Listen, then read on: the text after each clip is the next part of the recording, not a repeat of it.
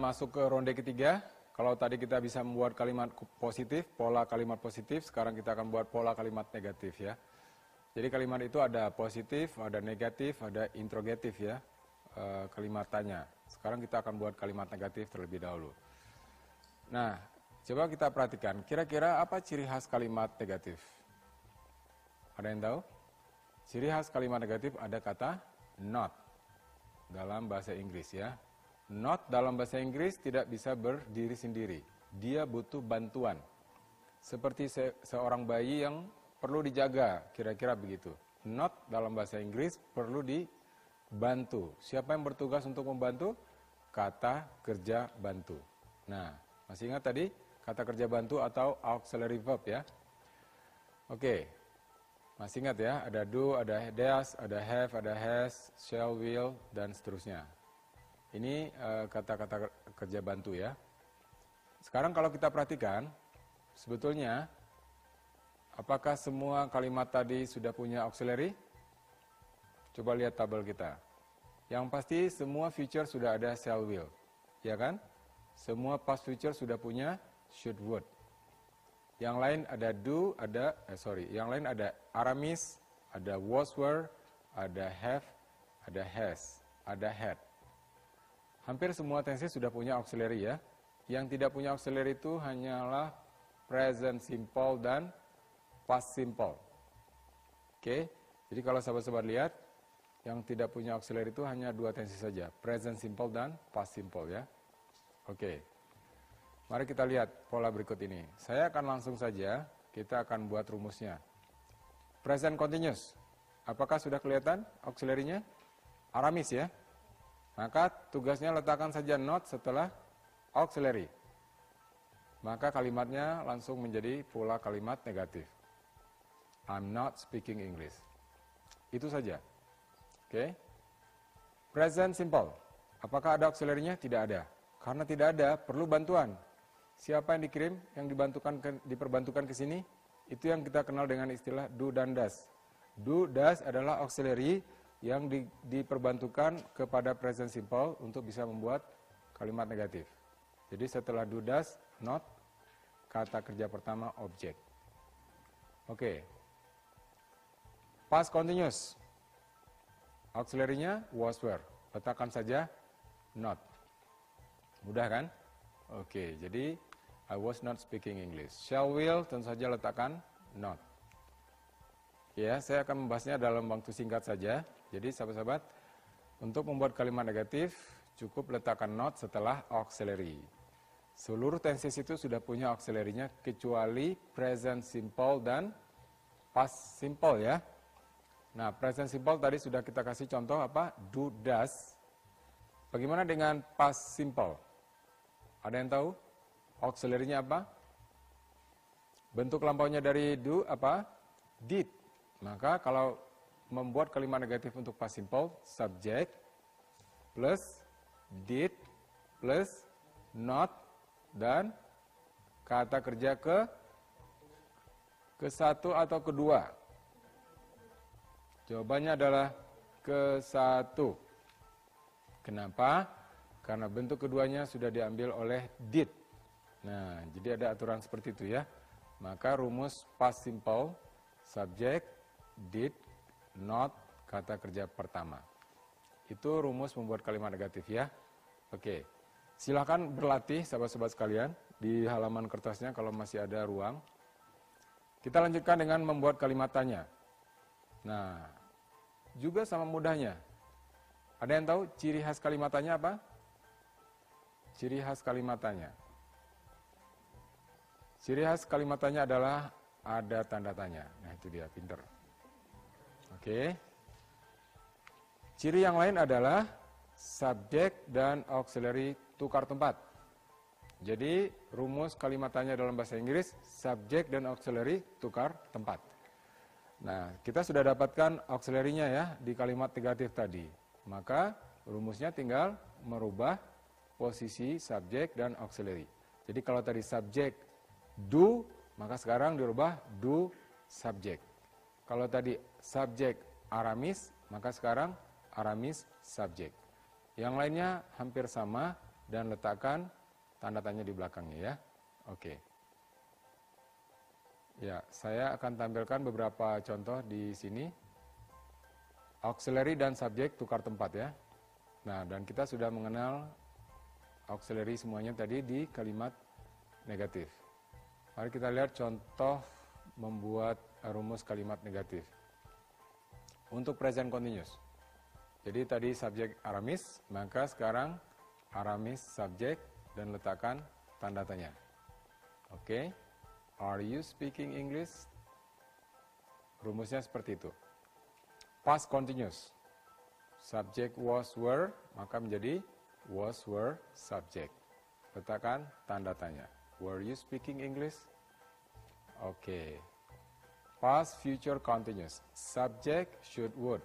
Maka dirubah menjadi should would subject be kata kerja ing objek tanda tanya. Oke. Okay. Kalimatnya menjadi would you be speaking English? Oke okay, ya. Jadi rumusnya kurang lebih seperti itu ya. Subjek dan auxiliary tukar tempat, letakkan tanda tanya. Dan berlaku untuk seluruh tenses. Nah, kalau sahabat-sahabat sudah sampai pada titik ini, berarti sahabat-sahabat sudah hafal 16 nama-nama tenses, bisa membuat rumus kalimat positif, negatif, dan interrogatif. Kita akan sampai pada ronde keempat, dan ronde yang paling penting dalam sebuah pertandingan olahraga, ini namanya babak final. Dan final tentu saja punya konsekuensi yang luar biasa karena ini paling penting dan membutuhkan energi yang lebih banyak ya. Siapkan energi sahabat-sahabat untuk membahas babak keempat ini, understanding the tenses, memahami arti dari seluruh tenses itu.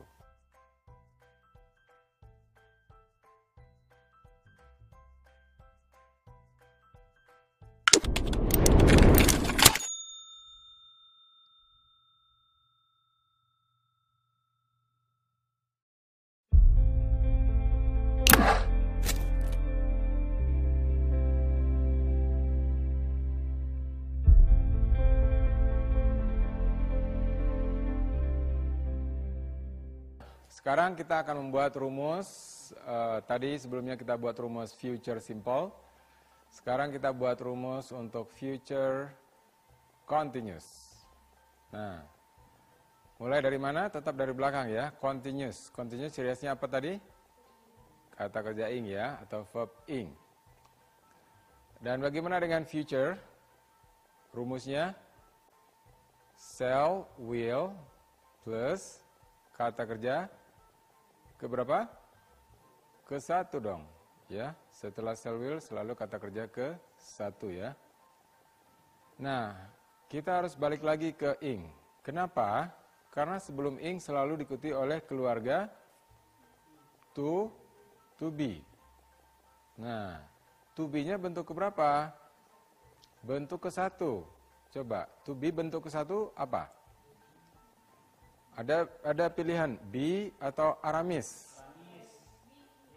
Nah, ingat? Setelah shall will harus kata kerja pertama tanpa S. Aramis itu ada S. Maka pilihan yang tepat adalah B. Ya. Rumusnya menjadi shall will be kata kerja I. Oke ya. Nah, inilah dia rumusnya ya. Maka contohnya menjadi I will be speaking English. Tidak bisa menjadi I will is atau I will am atau I will are. Tidak ada pilihan seperti itu ya. Ini sahabat-sahabat, sebetulnya memahami pola ini akan membantu soal-soal ujian sebetulnya ya. Yang berhubungan dengan grammatical atau bahkan membantu menjawab soal-soal TOEFL atau IELTS sebetulnya. Karena e, banyak berhubungan dengan tata bahasa. Oke, kita lanjut. Future perfect. Perfect kata kerja ke tiga. Future ciri khasnya sama tetap shall will plus kata kerja pertama tanpa s ya. Nah, kita kembali lagi ke kata kerja. Sebelum kata kerja ketiga diikuti oleh sebelum kata kerja ketiga diikuti oleh to have. Have-nya bentuk keberapa? Ke satu. Nah, have bentuk ke satu yaitu have atau has? Nah, jawabannya hanyalah have. Kenapa? Karena has ada s. Ingat setelah shall will selalu diikuti kata kerja pertama tanpa s. Maka di saat sekarang have itu adalah kata kerja pertama ya, tanpa s. Maka rumusnya menjadi subject shall will have kata kerja ketiga object. Kalimatnya menjadi I will have spoken English. Yes. Future perfect continuous ya. Jadi kalau udah paham metode ini sebetulnya sahabat-sahabat tinggal membuat uh, rumusnya saja ya karena sudah tahu polanya ya. Continuous kata kerja ing sebelum ing diikuti oleh to be, to be-nya bentuk ketiga yaitu been. Future ciri khasnya adalah shall will plus kata kerja pertama. Ingat, kembali lagi ke been karena been adalah kata kerja ketiga. Sebelum kata kerja ketiga diikuti oleh to have. Have-nya bentuk pertama, yaitu have saja, bukan has. Maka rumus future perfect continuous adalah subject shall will have been in object. I will have been speaking English. Ya, oke. Okay. Ini adalah rumus future perfect continuous. Masih ada satu kolom lagi ya di sebelah kanan yang kategori past future ya. Nah, kalau sahabat-sahabat sudah bisa membuat rumus future simple, future continuous, future perfect, dan future perfect continuous, rumus yang di sebelah kanan past future simple, past future continuous, past future perfect, dan past future perfect continuous itu sama dengan kolom future. Yang membedakan apa? Shall menjadi should, will menjadi would. Itu saja. Ya. Jadi untuk kategori future dan past future rumusnya hampir sama. Yang membedakan adalah shall menjadi should, will menjadi would. Oke. Kita bisa saja buat seperti ini. Subject, shall, will, uh, sorry, subject should would plus kata kerja pertama object. Ya, sama kan dengan yang di sebelahnya. Kemudian ada lagi past future continuous ya. Sebelum ini diikuti oleh to be, to be-nya be saja. Maka rumusnya subject should would be kata kerja in. Jadi hampir persis sama, kecuali shall menjadi should, will menjadi would. Oke. Okay. Demikian pula dengan past future perfect, kata kerja ketiga, kemudian diikuti oleh to have, have-nya bentuk have saja. Jadi subject should would plus kata kerja uh, subject should would have kata kerja ketiga objek. Dan yang terakhir past future perfect continuous, ini tenses yang paling panjang namanya ya. Oke, tapi kita nggak khawatir lagi karena polanya ternyata sama saja dengan future ya. Yang membedakannya shall menjadi should, will menjadi would ya. Oke, dengan sampai di sini sahabat-sahabat sudah melihat bagaimana pembuatan rumus 16 nama-nama tensis berikut dengan contoh kalimatnya ya. Sekali lagi nama tensis itu mencerminkan uh, pola kata kerja untuk masing-masing tensis tersebut. Oke. Nah, silakan boleh dilihat lagi kalau sahabat-sahabat berhasil membuat 16 nama-nama tensis ini di lembar kertas besarnya, itu akan sangat lebih baik kita bisa membuat rumus sekarang ini. Uh, tetapi yang paling penting dari itu semua adalah bagaimana uh, kita bisa mengaplikasikannya dalam bahasa lisan dan tulisan ya. Kita akan melihat uh, pada sesi berikutnya nanti uh, bagaimana cara cepat membuat uh, kalimat negatif dan interrogatif. Kedua kalimat itu menjadi sangat mudah karena kita sudah membuat kalimat positifnya ya. Jadi pada sesi ini kita sudah menyelesaikan membuat rumus kalimat positif untuk seluruh nama-nama tesis. Kita akan lanjutkan sesaat lagi.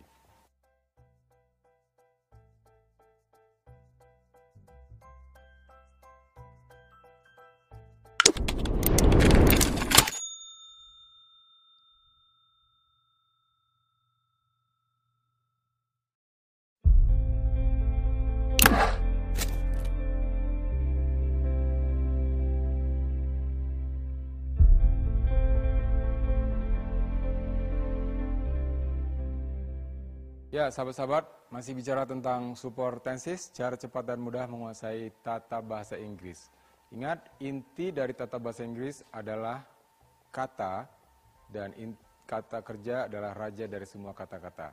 Perubahan kata kerja karena pengaruh waktu kita sebut dengan tenses. Dan kita bicara tentang tenses. Oke, kita akan ulangi sedikit tentang rumus membuat kalimat uh, apa tenses present perfect continuous ya. Ini saya sengaja buat dua kali supaya sahabat-sahabat bisa uh, memahaminya dengan lebih uh, mudah. Perubahan ini sangat tergantung dari bisa mengingat lima poin tadi ya, ciri-ciri nama-nama tenses itu. Kita mulai lagi dari belakang, continuous. Masih ingat continuous ciri khasnya apa? Kata kerja ing. Sebelum kata kerja ing diikuti oleh to be. To be-nya bentuk ke tiga atau bentuk perfect ya, yaitu been. Maka harus paham juga ya bentuk pertamanya apa, kedua apa, ketiga apa. Dan been adalah kata kerja ketiga. Ingat, sebelum kata kerja ketiga selalu diikuti oleh keluarga to have. Dan to have-nya bentuk pertama. Maka rumusnya seperti ini. Subject, have, has, been, plus kata kerja ing, object. Nah, contohnya menjadi begini. I have been speaking English. Oke, kita lihat. Ternyata rumus itu, cetakan itu bisa menghasilkan kalimat yang seperti ini. I have been speaking English, I have been studying English, I have been writing English. Itu semua menggunakan pola yang sama, berarti kita menyebutnya present perfect continuous. Nah, saya mau mengingatkan bahwa ketiga kata itu present perfect continuous. Ada tiga kata. Itu mewakili contoh kalimat tadi. Present diwakilkan kepada have, perfect diwakilkan kepada been, continuous diwakilkan kepada speaking. Jadi tiga kata itu melambangkan tiga kata nama-nama tensis itu ya. Oke. Kita lanjut ya. Jadi kalau sahabat-sahabat sudah ingat ini, ini poin dasarnya ada di sini ya. Hafalkan ciri-ciri khas ini supaya bisa membuat rumus tensis apa pun juga tensisnya. Mari kita lanjutkan. Past simple. Past simple. Simple ciri khasnya tidak ada. Past kata kerja ke dua. Maka subjek objek. Jadi past simple rumusnya subjek kata kerja kedua objek. Kalimatnya menjadi I spoke English. Ya. Jadi dalam bahasa Inggris ada perubahan kata kerja ya, bentuk keduanya speak menjadi spoke. I spoke English. Apa artinya nanti kita bahas pada ronde berikutnya ya. Sekarang kita konsentrasi ke membuat rumusnya aja dulu. Kemudian past continuous. Past continuous. Continuous seriusnya ing, sebelum ing diikuti oleh to be, to be-nya bentuk ke dua atau bentuk pas. Nah, to be bentuk kedua atau bentuk pas adalah was, were. Oke. Okay. Maka rumusnya menjadi subject, was, were, kata kerja ing, objek ya. Oke. Okay. Kalimatnya menjadi I was speaking English. Yes. Oke, okay. next. Kita lanjutkan. Past perfect. Perfect. Mulai dari belakang. Perfect ciri kata kerja ketiga. Sebelum kata kerja ketiga diikuti oleh to have. Have-nya bentuk ke dua, bentuk pas. Nah, apa itu bentuk pasnya dari have? Yaitu had. Maka rumus past perfect menjadi subject, had, kata kerja ketiga, object. Oke? Okay? Maka kalimat Inggrisnya menjadi I had spoken English. I had spoken English. Kita lanjutkan lagi. Past, future, uh, sorry, past perfect, continuous. Namanya panjang, kalimatnya juga panjang tentunya. Continuous ciri kata kerja ing. Sebelum ing diikuti oleh to be. Eh, sorry, ya to be ya. Dan to be-nya bentuk ke tiga atau bentuk perfect ya, yaitu been. Been adalah kata kerja ke tiga sebelum kata kerja ketiga diikuti oleh to, to have. Ya, have-nya bentuk kedua, yaitu had. Nah, maka rumus past perfect continuous adalah subject, had, been, kata kerja ing. Kalimatnya menjadi I had been speaking English. I had been speaking English. Ya, oke. Okay. Jadi, sobat-sobat, kalau kalau sudah punya pola ini bisa membuat 16 nama-nama tesis ya. Mari kita lanjutkan dengan future. Nah, jumlah tenses ada 16 ya. Kita sudah membuat kolom pertama, kolom kedua. Sekarang kolom ketiga, future. Future simple. Ada yang tahu simple ciri khasnya apa? Tidak ada. Bagaimana dengan future? Hmm. Future, masih ingat si kembar? Shall, will. Ingat, setelah shall will selalu diikuti oleh kata kerja ke satu tanpa S. Itu peraturannya ya. Jadi future paketnya langsung saja shall will plus kata kerja pertama objek. Jadi shall ada, jadi future itu ciri khasnya ada dua ya, shall will plus kata kerja pertama objek. Oke, maka rumusnya menjadi subjek shall will kata kerja pertama objek ya. I will speak English. I will speak English. Ini adalah rumus atau contoh kalimat dari future simple. Kita akan lanjutkan pada sesi selanjutnya.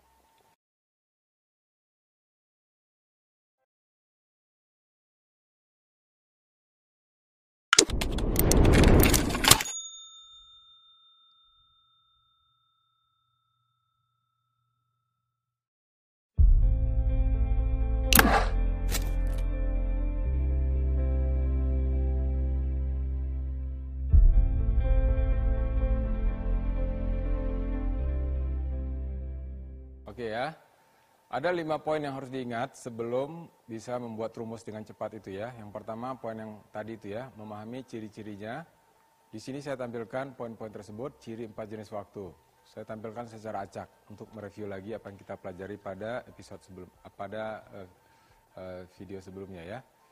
Pas, masih ingat ciri khasnya kata kerja keberapa tadi? Kata kerja kedua. Kalau present, kata kerja ke satu future, shall will, plus kata kerja pertama, past future, should would, plus kata kerja pertama, sekoper peci. Kalau simple, ciri khasnya apa tadi? Tidak ada. Continuous, verb ing, yes. Oke, okay, perfect. Kata kerja ketiga, perfect continuous. Verb ketiga tambah ing ya. Oke. Nah, ada beberapa tiga poin lagi yang harus kita ingat ya. Sebelum kata kerja ing, dalam bahasa Inggris itu akan selalu diikuti oleh keluarga to be. Nah, tadi kita udah kenalan kan sama keluarga to be ya. Ada am, is, are, be, was, were, dan seterusnya. Ini peraturan. Jadi sebetulnya grammar itu adalah kebiasaan yang dibakukan, maka menjadi tata bahasa namanya ya. Untuk yang keempat, sebelum kata kerja ketiga selalu diikuti oleh keluarga to have. Nih, saya belum cerita nih ya. To have ini bagian dari auxiliary juga. Bentuk pertamanya ada have, has. Bentuk keduanya adalah had. Ya. Jadi, sebelum kata kerja ketiga selalu diikuti oleh kata kerja ketiga. Have, has, untuk bentuk pertama, had, bentuk kedua. Dan saya ulangi lagi tadi, setelah shall will, saya menyebutnya ini si kembar ini ya. Shall will atau should would selalu diikuti oleh kata kerja pertama tanpa S. Bisa dipahami maksudnya ini? Tanpa S ini begini. Jadi kalau study atau studies. Nah, kalau studies ada S-nya. Shall will tidak mau yang ada S-nya. Jadi shall study atau will study. Begitu. Oke. Okay. Uh, have atau has setelah shall atau will dia akan pilih have. Kenapa? Karena has ada s-nya. Nah nanti kita lihat contoh yang lainnya ya. Oke jadi saya ulangi lagi sebelum kata kerja ing selalu diikuti oleh keluarga to be ya. Nah ini ingat-ingat keluarga to be tadi ya ada be are amis dan sebelum kata kerja ketiga ada eh, selalu diikuti oleh keluarga to have. Have has had. Ini namanya auxiliary Nah, dengan memahami lima prinsip tadi, sahabat-sahabat sudah siap sebetulnya untuk bisa membuat rumus atau pola kata kerja kalimat positif. Mari kita buktikan ya. Kita mulai dari yang paling sederhana, present simple. Mulailah membuat urutannya dari belakang, karena nanti ada pengaruhnya ya. Simple, ada yang tahu? Masih ingat apa ciri khasnya? Tidak ada. Present verb ke satu. Oke, standarnya subjek objek ya, ini standar kalimat saja. Ini adalah rumus atau e, pola kalimat positif untuk present simple. Contohnya adalah I speak English. Nah, sekarang bisa tahu ya, ini adalah present simple. Untuk apa gunanya nanti kita bahas itu di ronde keempat. Sekarang kita tahu rumus yang benar untuk present simple adalah subjek, kata kerja pertama, objek. Lihat, kata kerja pertamanya di sini adalah speak. Oke, saya ulangi lagi, present simple. Simple ciri khasnya tidak ada present, kata kerja pertama. Contoh kalimatnya adalah I speak English. Perhatikan yang berwarna merah, itu pasti kata kerja. Kenapa? Karena setiap kalimat harus punya kata kerja ya. Kita lanjutkan, present continuous. Mulai dari belakang. Continuous ciri khasnya ing. Ingat, sebelum kata kerja ing selalu diikuti oleh keluarga keluarga to be. Nah, to be-nya bentuk pertama kah atau bentuk kedua atau bentuk yang lain? Bentuk pertama atau bentuk present. Present kan identik kata kerja pertama kan? Maka pilihannya adalah Aramis. RM is. Inilah rumus kalimat positif untuk present continuous. Subjek, aramis, kata kerja ing, objek. Contoh kalimat, I am speaking English. Nah, kata kerja ing, speaking, aramisnya dipilih M karena subjeknya I. ya. Oke. Sekali lagi, present continuous. Continuous ciri khasnya kata kerja ing. Sebelum ing diikuti oleh to be. To be-nya bentuk present atau bentuk pertama yaitu Aramis. Maka kalimatnya menjadi I am speaking English. Ini hanya dua contoh loh ya. Jadi kalau sahabat-sahabat stop atau pause video ini, saya yakin bisa membuat seluruh rumus kalimat positif. Cara caranya gimana? Hafalkan lima hafalkan lima hal tadi ya, lima prinsip tadi yang perlu diingat ya. Salah satunya adalah ciri-cirinya. Oke, kita lanjutkan. Present perfect. Present perfect. Perfect kata kerja ke tiga. Sebelum kata kerja ketiga, selalu diikuti oleh keluarga to have. Nah, ingat-ingat yang tadi itu. Sebelum kata kerja ketiga selalu diikuti oleh keluarga to have. Have-nya bentuk berapa? Bentuk pertama atau bentuk present. Jadi have atau has. Oke, maka kalimatnya menjadi rumusnya menjadi subjek have has plus kata kerja pertama eh, kata kerja ketiga tambah objek. Contoh kalimat I have spoken English. Maka akan jadi kalimat seperti ini. Oke, kita ulangi lagi. Present perfect. Perfect kata kerja ke tiga. Sebelum ketiga diikuti oleh kata kerja ketiga diikuti oleh to have. Nah, have-nya bentuk present ya. Nah, kita lihat tulisan yang di atasnya, present. Maka rumusnya menjadi subject have has plus kata kerja ketiga objek. Contoh kalimatnya I have spoken English. Oke. Mari kita lihat satu lagi ya, yang terakhir. Present perfect continuous.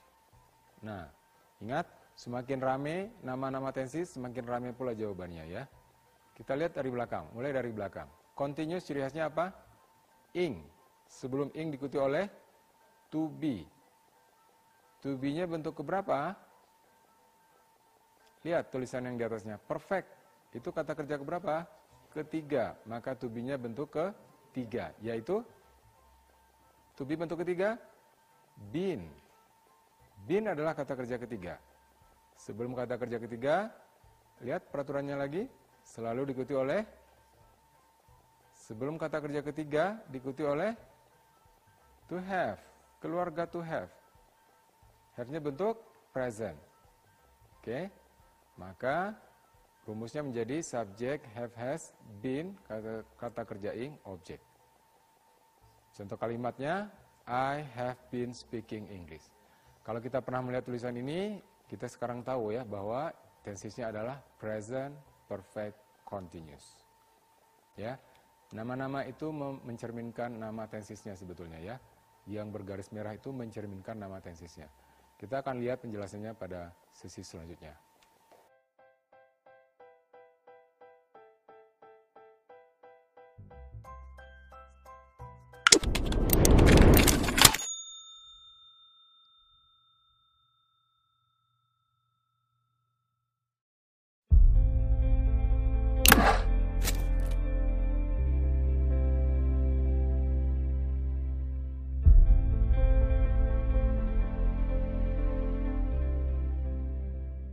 Kita masuk ronde kedua.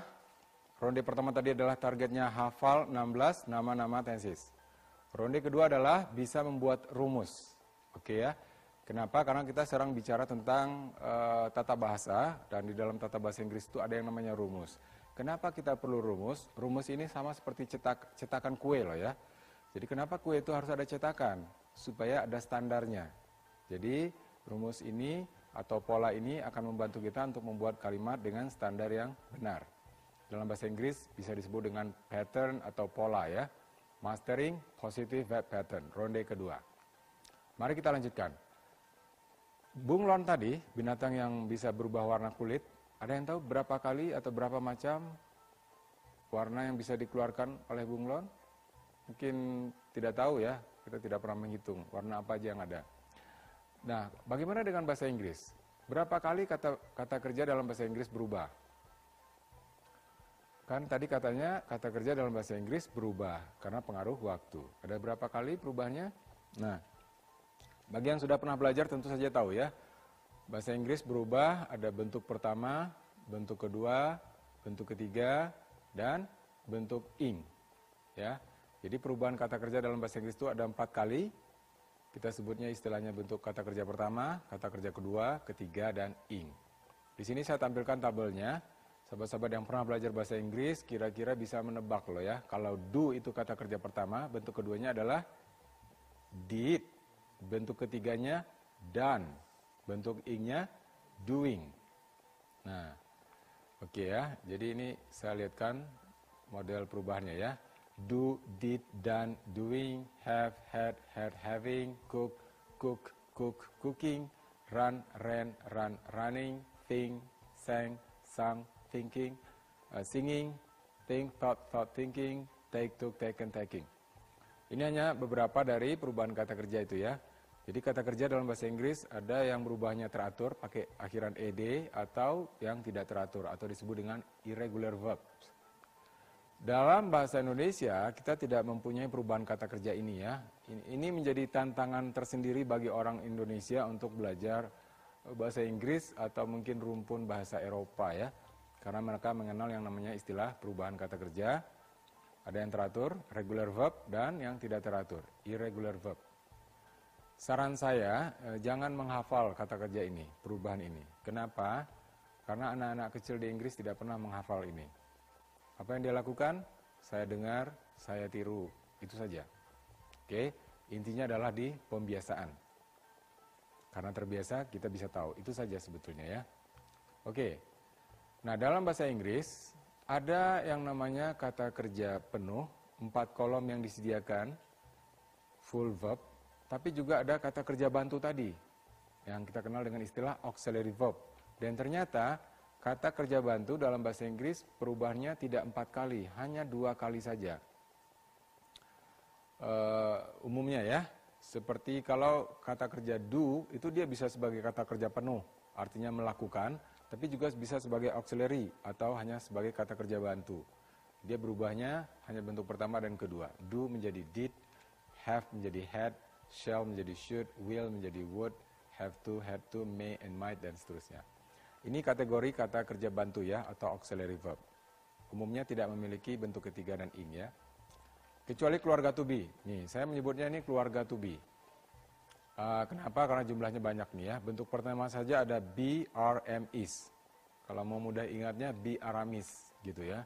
Ada bentuk kedua was, were, bentuk ketiga been, dan ing. Maka ada istilah kata kerja apa keluarga to be. Bentuk pertama, kedua, ketiga dan ing ya.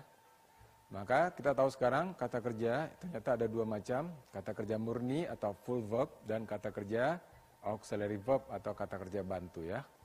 Oke, ini kita perlu kenal untuk bisa membuat tenses nanti. Nah, sampai di sini sahabat-sahabat sudah tahu ya, ada empat jenis waktu, past, present, future, past future, ada sekoper peci, simple, continuous, perfect, dan perfect continuous. Dan satu lagi ada kata kerja ke satu, kedua, ketiga, dan ing. Jumlahnya juga empat, ya.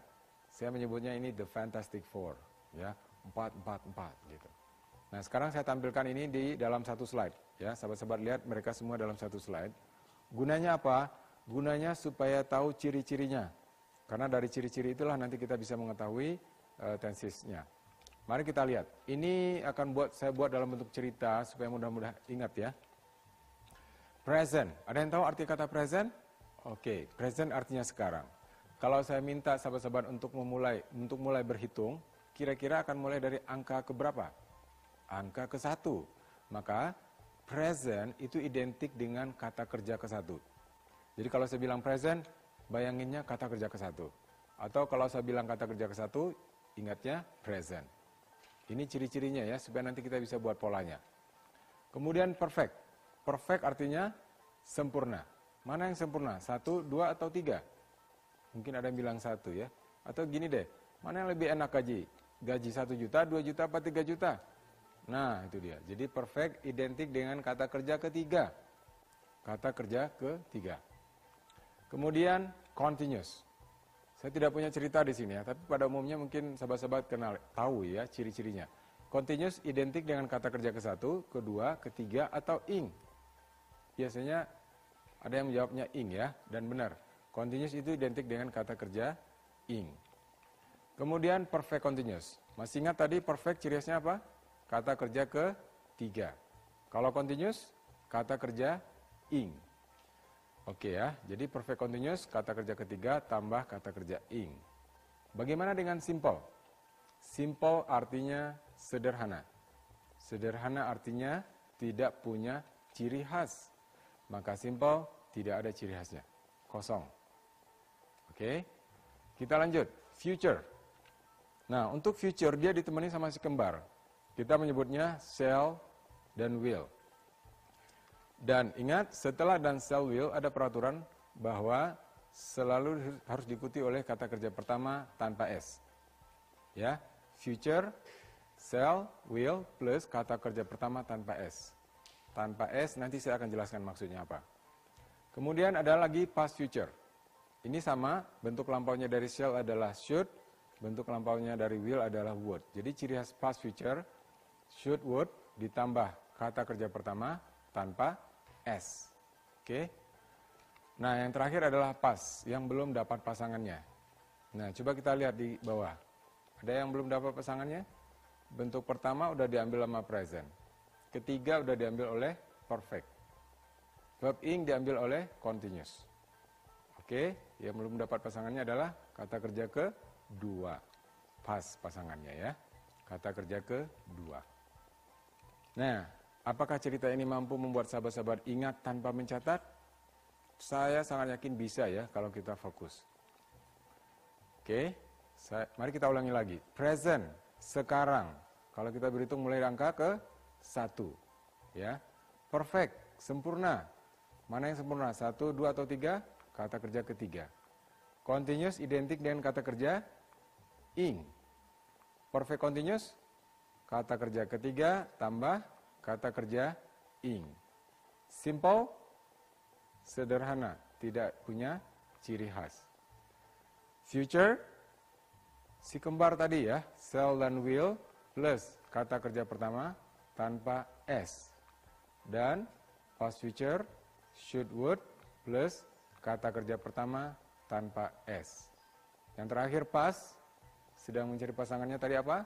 kata kerja kedua. Oke ya. Dengan mengingat ciri-ciri ini, sahabat-sahabat, satu langkah lagi untuk bisa membuat pola kalimat positif untuk seluruh tensis dengan cepat dan mudah. Kita akan lanjutkan.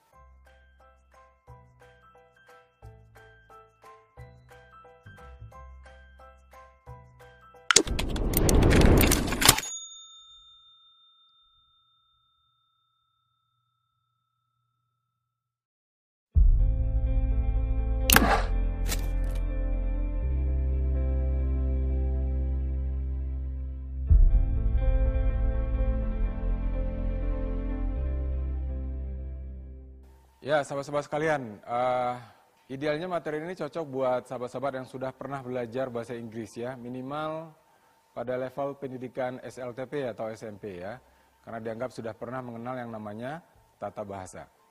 Saya akan mulai pembahasan kali ini dengan sebuah uh, pertanyaan sederhana. Bisa dilihat di slide berikut ini. Ada sebuah kalimat atau beberapa kalimat ya. Ini uh, kalimatnya seperti ini. You are driving a bus that is going from Philadelphia to New York. And there are 32 passengers on the bus. Anda sedang berkendaraan? Oke, saya lanjutkan saja dahulu. At the first bus stop, pada pemberhentian bis yang pertama, 11 people get off, 11 orang turun, and 9 people get on, 9 orang naik. At the next bus stop, 2 people get off, 2 orang turun, and 2 people get on, 2 orang naik. At the next bus stop, 12 people get on and 16 people get off. At the final bus stop, pada pemberhentian bis yang terakhir, Five people get on and three people get off. Lima orang naik dan tiga orang turun. Siap-siap dengan pertanyaannya? And the question is, what color are the bus driver's eyes? Apakah Anda bisa memahami pertanyaan ini? Apa warna mata supir bis itu? Silakan, silakan berpikir ya. Oke, mungkin tadi sudah mulai catat-catat angka, hitung-hitungan. Nah, pertanyaannya adalah, what color are the bus driver's eyes? Ada yang tahu? Oke deh, saya ulang lagi pertanyaannya ya. Once again, you are driving a bus that is going from Philadelphia to New York, and there are 32 passengers on the bus. Anda mau lihat siapa supirnya? Silakan aja ya. At the first bus stop, 11 people get off and 9 people get on. 11 orang turun and 9 orang naik ya. At the next bus stop, 2 people get off and 2 people get on. At the next bus stop, 12 people get on and 16 people get off. Oke. Okay? Pertanyaannya masih sama. Oke. Okay. Pada pemberhentian yang terakhir, at the final bus stop, 3 people get on. Oke, okay, 5 ya and three people get off. And the questions, what color are the bus driver's eyes? Ada yang tahu? Kalau belum tahu berarti sahabat-sahabat belum fokus ya. Belum fokus. Nah, sebetulnya kata kuncinya, coba perhatikan sekali lagi kalimat ini. You are driving a bus that is going from Philadelphia to New York. Oke. Okay. Ini adalah sebuah kalimat sangat terstruktur dengan tata bahasa yang benar. Oke, tinggal memahaminya saja. Yes? Do you know? okay. What color are the bus driver's eyes? Black or brown? Why? Because you are the driver. Yes. Okay. Itu arti kata you are driving. Artinya Anda sedang mengendarai. Oke. Kita sibuk lihat gambar itu, padahal pertanyaannya adalah you are driving. Anda sedang mengendarai. Oke ya. Nah, ini kalimat yang sangat tertata, tensisnya ada tentu saja. Kita akan bicara kalimat-kalimat yang sangat gramatikal ini dalam pembahasan supertensis. Oke.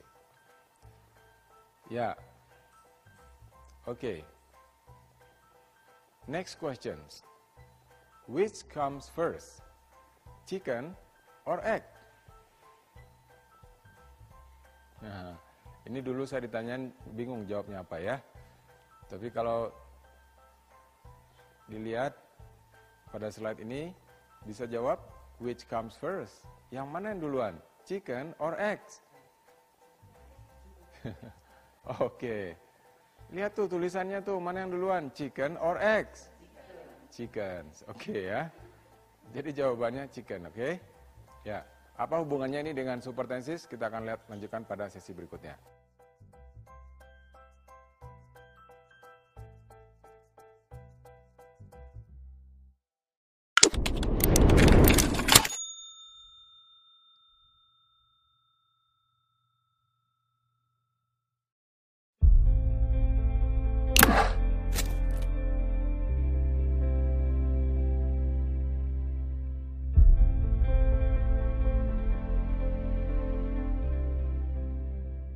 Saya akan awali sesi-sesi ini dengan banyak bertanya ya supaya teman-teman bisa fokus.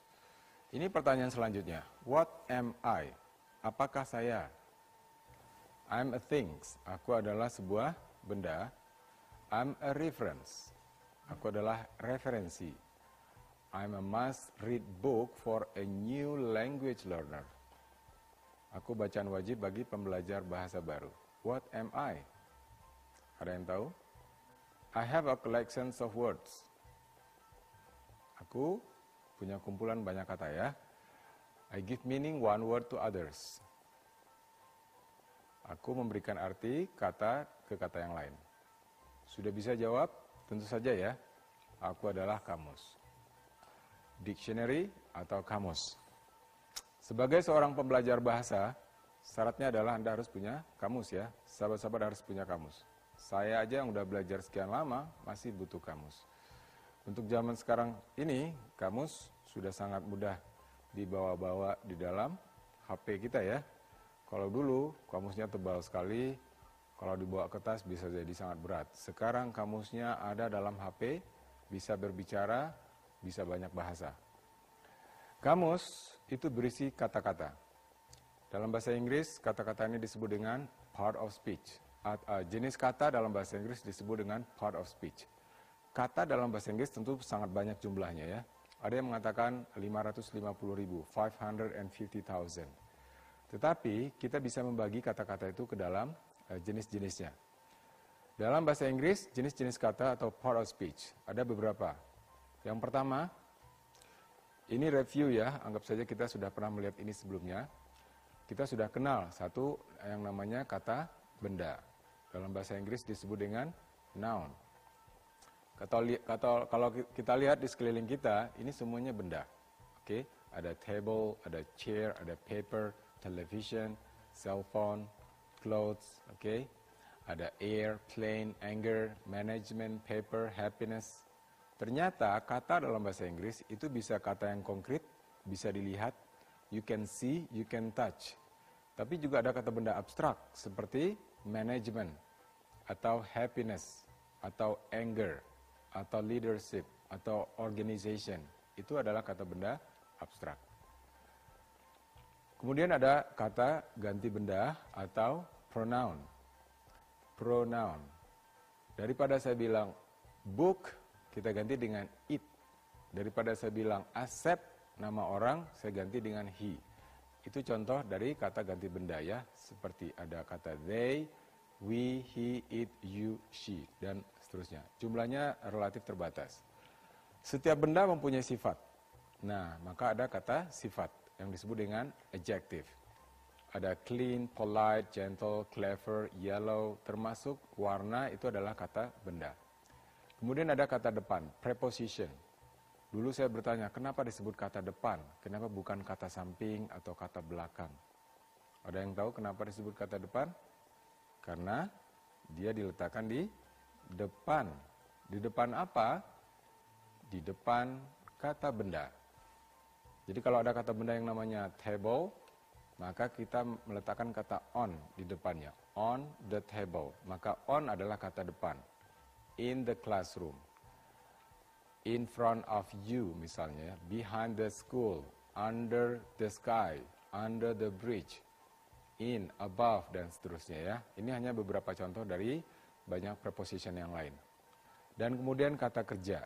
Oke, kata kerja.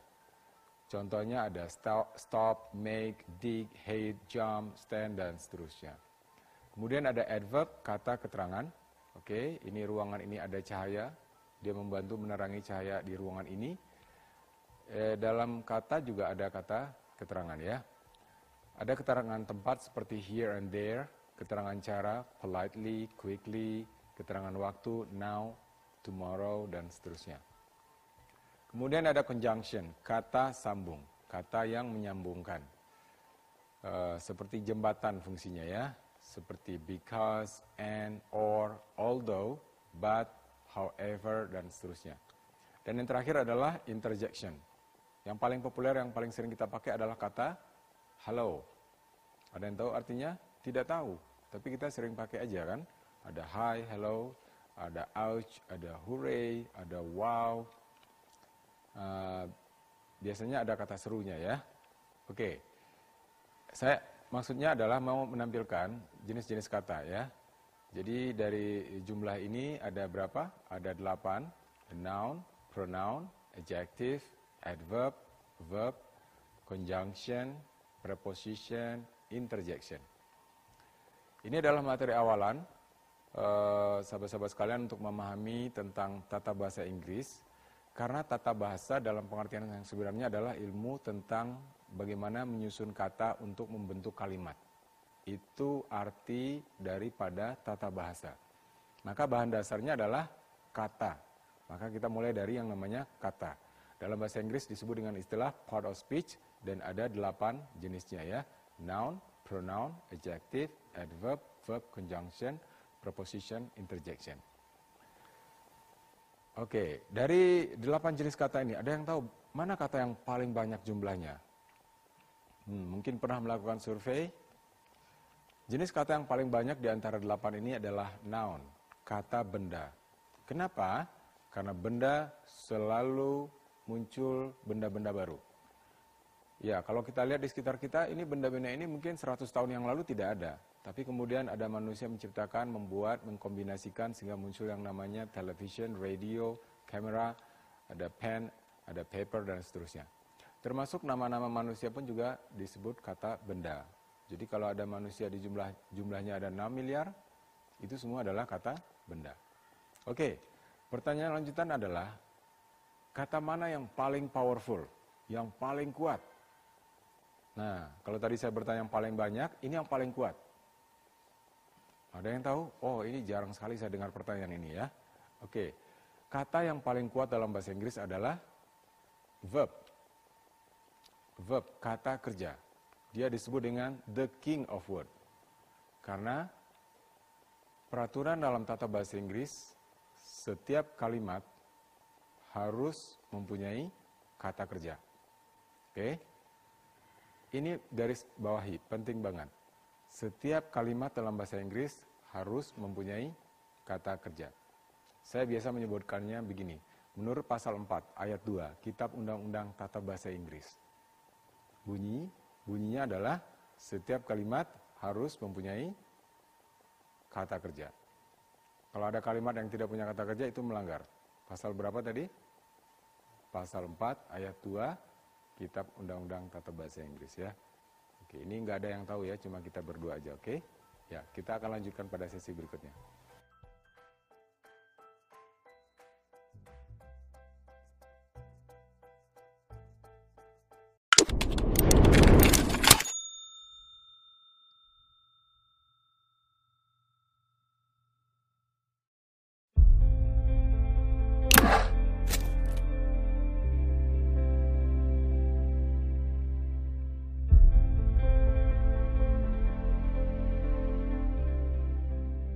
Verb adalah the king of word, raja dari semua kata-kata. Jadi kalau kata-kata itu kita buatkan e, seperti sebuah kerajaan binatang, maka rajanya adalah kata kerja. Oke, kenapa?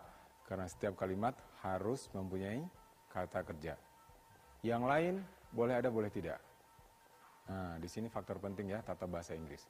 Mari kita buat contoh. Dalam bahasa Indonesia kita buat sebuah kalimat aku seorang kapten misalnya ya. Kalau kita terjemahkan, aku bahasa Inggrisnya I, seorang e, kapten, captain. Maka kalimatnya menjadi I, a captain. Ternyata kalimat ini secara grammar atau tata bahasa dinyatakan salah. Walaupun kita bisa mengerti, tetapi secara grammatical kalimat ini salah. Kenapa? Karena tidak mempunyai kata kerja. Kalau kita perhatikan I itu adalah kata ganti benda atau pronoun. E adalah kata sifat. Captain adalah kata benda. Maka pronoun, adjective, noun. Tidak ada kata kerja di sini. Secara grammatical ini salah. Lalu apa harus dilakukan? Mencari bantuan. Nah, bantuan apa? Bantuan kata kerja supaya kalimat ini ada kata kerjanya. Nah, ada kata kerja yang tugasnya untuk membantu. Dalam bahasa Inggris disebut dengan auxiliary verbs. Mungkin pernah mendengar auxiliary verb atau helping verb. Kalau sahabat-sahabat yang pernah belajar tata bahasa sebelumnya, di dalam auxiliary itu ada am, ada is, ada are, ada was, ada were, ada have, ada has, ada had, ada do, ada does, ada did, ada shall, ada will, ada should, ada would. Banyak sekali ya. Nah, kita minta satu nih ya. Kira-kira apa auxiliary yang tepat untuk kalimat ini? I am. Oke. Okay. Maka akan muncul I am a captain. Ya. Nah, di sini kita tahu bahwa sekarang bahwa Kenapa ada M dalam bahasa Inggris? Karena dia harus punya kata kerja. Oke ya. Sebetulnya M ini nanti menyesuaikan dengan subjek, juga menyesuaikan dengan uh, tensisnya nanti ya. Oke. Mari kita lanjut. Target kita di pelajaran super tensis ini ada empat. Saya akan sampaikan di awal. Satu, sahabat-sahabat akan tahu bagaimana uh, tahu hafal nama-nama tensis. Yang kedua, bisa membuat kalimat positif, rumusnya. Yang ketiga, bisa membuat kalimat negatif dan interrogatif. Dan yang keempat, memahami tensis. Kita tambahkan nanti yang kelima, bisa menjawab soal-soal yang berhubungan dengan tata bahasa, khususnya tensis.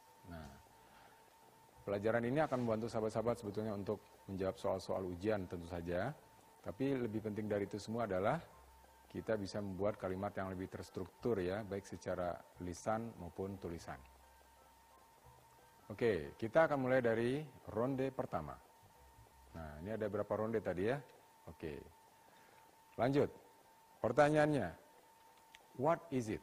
Kalau tadi what am I, sekarang what is it? Nah, buat sahabat-sahabat yang bisa jawab, luar biasa. It is animal. Ia adalah seekor binatang. It has four legs. Mempunyai kaki empat. Hmm, mungkin sudah kebayang. It is a reptile. Termasuk reptil. It it is it has four uh, big eyes and long tongue. Termasuk uh, mempunyai mata besar dan lidah panjang. It can change the skin color. Ada yang tahu? Hmm. Ah, itu dia, ya. bunglon, ya, bunglon ya. In English we call it chameleon. Tuh. Nama Inggrisnya keren juga ya, chameleon. Tapi jangan dikasih nama anak ya. Oke, chameleon. Panggilan camel. Udah, dua-duanya kena itu ya. Binatang ini unik, kenapa? Karena bisa berubah warna. Lalu apa hubungannya dengan supertensis? Apa hubungannya dengan kata kerja? Ingat, kata kerja dalam bahasa Inggris juga berubah. Yang membedakannya adalah faktor penyebabnya. Kalau bunglon berubah karena pengaruh lingkungan atau tempat atau uh, suasana di sekitarnya ya. Kata kerja berubah karena pengaruh Nih, yang sudah pernah belajar ngapain aja? Kata kerja dalam bahasa Inggris berubah karena pengaruh waktu. Kata kerja dalam bahasa Inggris berubah karena pengaruh waktu. Nah, perubahan kata kerja karena pengaruh waktu inilah dalam bahasa Inggris disebut dengan tenses. Nah, kalau pernah dengar kata tenses, apaan sih? Ternyata itu adalah perubahan kata kerja karena pengaruh waktu. Oke, Mari kita lihat waktu. Ada berapa jenis waktu yang sahabat-sahabat kenal? Oh, mungkin dalam bahasa Indonesia kita mengenal masa, masa lampau, masa sekarang, masa yang akan datang. Bahasa Inggrisnya past, future, past, uh, sorry, uh, sorry, past, present, future, ya kan? Jadi ada berapa? Ada tiga. Dalam bahasa Inggris, khususnya tata bahasa, waktu itu ada empat bukan tiga. Apa saja? Past, present, future, satu lagi, past future. Hmm, saya suka menggunakan body language seperti ini ya. Untuk menyatakan lampau, kita gerakkan tangan ke belakang, sudah lewat. Present, sekarang, future, masa depan, past future. Kenapa muter-muter begini? Karena bingung kan? Ada past tapi future ya. Oke, anggap aja waktu nggak karu-karuan ya. Disingkatnya fast food. Nah, oke. Mari ulangi sama-sama audiens uh, yang yang melihat acara ini karena ini membantu daya ingat kita kalau kita juga menggunakan body language, oke? Empat jenis waktu. Yang pertama tadi past, yang kedua present, yang ketiga future, yang keempat past future. Past future disingkat apa? Fast food. Hmm. Mulai lapar? Ya kalau lapar sarapan dulu ya. Kita break dulu sampai sekarang.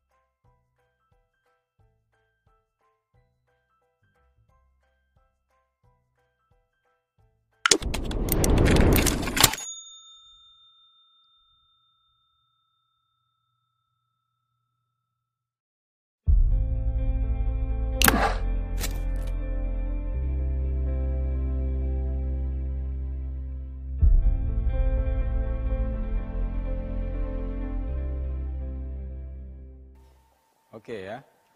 Ya, sahabat-sahabat sekalian, eh, tadi kita bicara tentang empat jenis waktu ya. Jadi perubahan kata kerja karena pengaruh waktu disebut dengan tenses.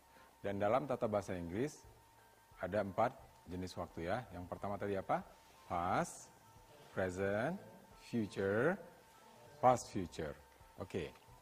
Nah, sekarang perhatikan uh, gambar berikut ini. Saya akan tampilkan uh, gambar uh, peci Oke. Gambar peci kurang lebih seperti ini. Nah, peci yang berwarna-warni dan peci ini kita akan masukkan ke dalam sebuah koper. Oke. Saya tidak akan bertanya berapa jumlah pecinya ya, karena sudah lewat kan, gak kelihatan lagi. Nah, pertanyaannya adalah, oke, apa isi koper itu?